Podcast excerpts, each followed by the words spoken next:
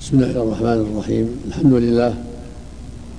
صلى الله وسلم على رسول الله وعلى آله وأصحابه ومن اهتدى بهداه.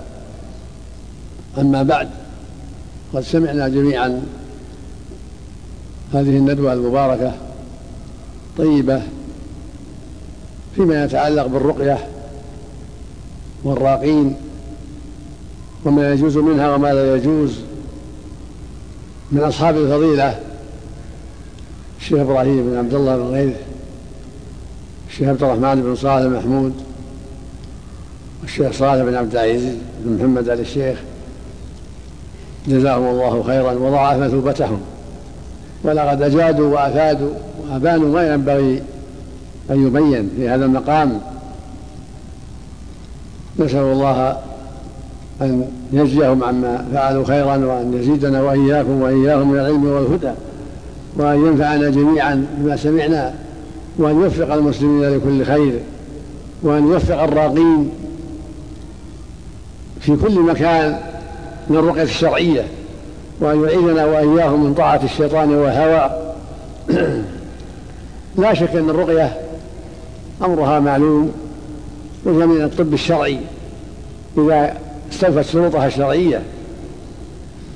فالنبي صلى الله عليه وسلم رقى ورقي.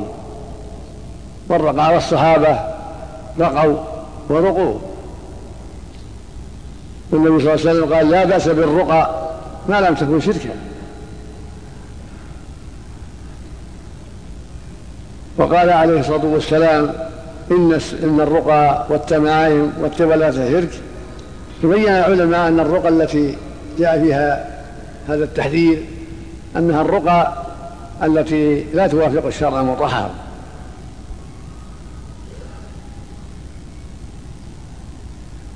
فالرقى أصلها الجواز بما أجازه الشرع. إذا كانت بلسان معروف المعنى كان المعنى لا محذور فيه واعتقد الراقي والمرقي أنها سبب والعمدة على الله عز وجل في ذلك ولم يصحبها ما حرم الله عز وجل. فهي من الأسباب ومن العلاج ومن الدواء. إذا سلمت مما يوجب المنع منها. وقد أوضح المشايخ ما ينبغي إيضاحه في هذا الباب. فالواجب على من يرقي الناس أن يتقي الله وأن يتحرى الرقية الشرعية ويحذر الرقى التي نهى عنها الرسول صلى الله عليه وسلم وحذر منها. وأن تكون له نية صالحة يرجو ما عند الله. ليس همه المال إنما يتحرى ما ينفع المسلمين ويرضي الله عز وجل ويدفع الشر عن المريض.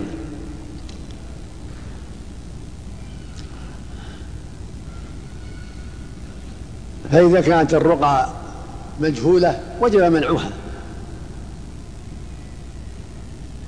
أو كان فيها شرك وجب منعها. أو كان فيها ما يوجب منعها من التوسل بغير الله أو بأسماء مجهولة أو بطلاسم وجب منعها.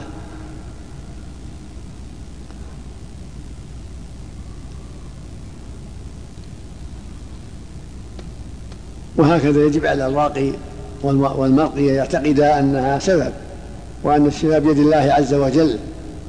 إن شاء الله نفع بها وإن شاء جل وعلا سببها المنفعة. قد ثبت في الحديث الصحيح أن جماعة من الصحابة نزلوا على قوم في البادية في السفر وكان سيدهم رئيسهم قد لغت ددر فعملوا له كل شيء لا ينفعه. فجاءوا إلى الوفد الركب الذين من الصحابة فقالوا له هل عندكم من شيء ينفع هذا؟ هل بكم راقي؟ فقال بعضهم نعم. فرقاه وقال إنكم لم تضيفونا فلا نرقيه إلا بجعل. فاتفقوا معهم على جعل من الغنم. فرقاه بفاتحة الكتاب ينفث عليه. فقال مكان ما نشط من عقال وعافاه الله وأعطوهم جعلهم. فقالوا فيما بينهم لا نفعل شيئا حتى نقدم على النبي صلى الله عليه وسلم ونسأله.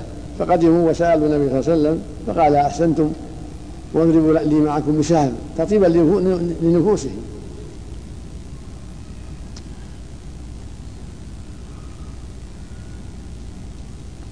والإنسان في هذه الدار دار الدنيا عرضة للآفات. وما أنزل الله داء إلا أنزل له شفاء. كما في الحديث الصحيح علمه من علمه وجهله من جهله وحديث السبعين فيه لا يسترقون يعني لا يطلبوا بل يرقيهم وليس معناه من الرقية لكن معناه أفضلية ترك الاسترقاء ترك السؤال. وإلا فلا معنى من الرقية. وإذا دعت الحاجة للسؤال فلا بأس. أن يقول للراقي أرقني لا بأس. قد أمر النبي عائشة أن تسترقي وأمر أم أولاد جعفر بن أبي طالب أن تسترقي لأولادها من العين. فإذا دعت الحاجة فلا بأس بالاسترقاء ولكن مثل ما سمعتم من المشايخ يجب التحري في هذه الرقية ويكون الراقي معروفا بالعقيدة الطيبة معروفا بالسلامة معروفا بالبعد عن ما حرم الله. فإن كان يتعاطى ما حرم الله من الأشياء المجهولة أو يتهم بالشعوذة والسحر فالواجب تركه وعدم المجيء إليه والرفع عنه إلى ولاة الأمور إلى الهيئة.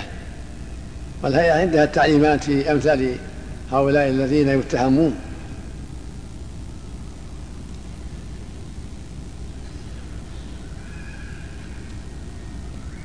وهكذا الاستعانة بالجن كل هذا من المنكرات وهي الممنوع. ولو ادعوا الإسلام. لا يجوز الاستعانة بهم ولا سؤالهم. فهم في حكم الكهنة. والنبي سيقول من أتى كاهنا فصدقه ما يقول فقال كفر بما انزل على محمد صلى الله عليه وسلم.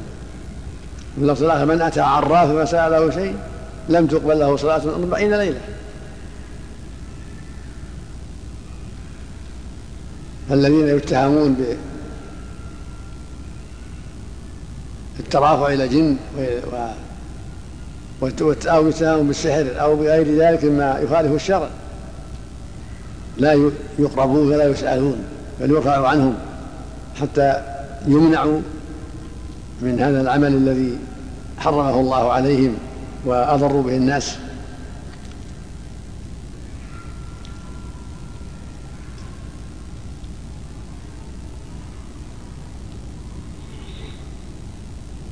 وكذلك إذا كانت المرقية امرأة لا يجب الخلوة بها من الراقي ذاك الرجل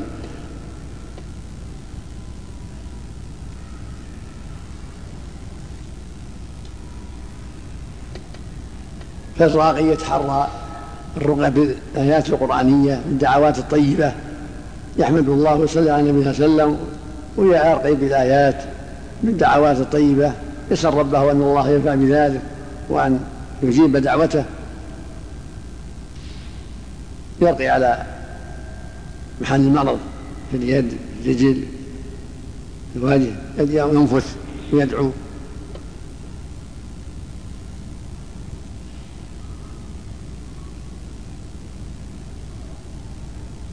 ويتحرى الإخلاص لله والإيمان بأنه هو مسبب الأسباب وهو الشافي المعافي وإنما الرقية سبب وهكذا الكي وهكذا جميع أنواع العلاج. كله أسباب والتوفيق بيد الله وهو الشافي المعافي جل وعلا. وإنما الأطباء والراقون أسباب ولو أن الرقية والطب ينفعني أبدا ما الحدث عاش الناس كلهم أصحاء. لكن هذا يشفى ويعافى وهذا تمت حسبته فيموت. هذا بقي له أجل فينفع الله بالأسباب ويشفى. وهذا انتهت المدة فلا يبقى ولا تنفع الأسباب.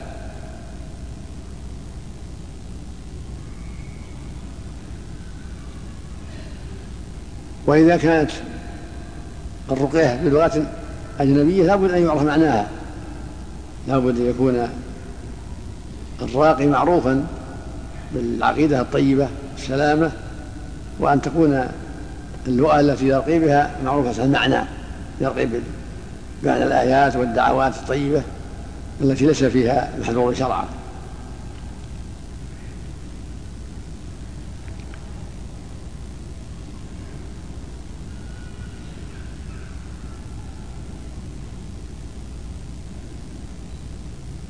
قد أوضح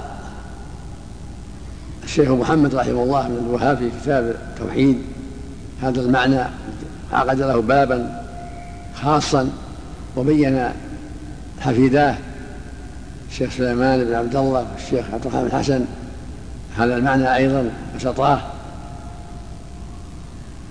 في تيسير العزيز الحميد فتح المجيد بين أهل العلم ذلك. فالواجب على من يلقي الناس ان يتقي الله وأن يراقب الله وأن يرقيهم بالدعوات الطيبة بالآيات القرآنية بالعبارات السليمة البعيدة عما حرم الله وأن يكون بعيدا عن كل ما حرم الله أيضا من خلوة أو غيرها مما حرم الله.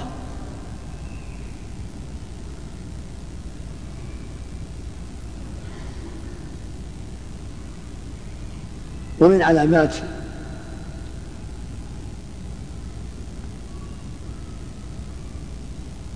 أنه مخرف وأنه مشعوذ أن يأتي بعبارات تدل على ذلك.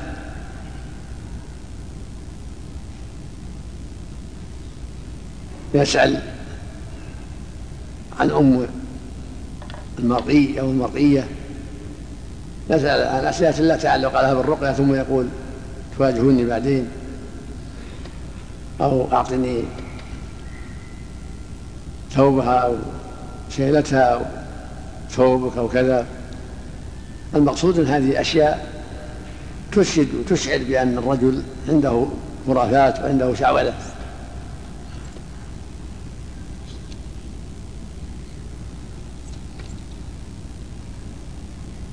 فلا بد في حق الراقي من أن تكون الأمور بينة. فلا يرقي إلا عند من يعرف بالخير والعقيدة الطيبة والبعد عن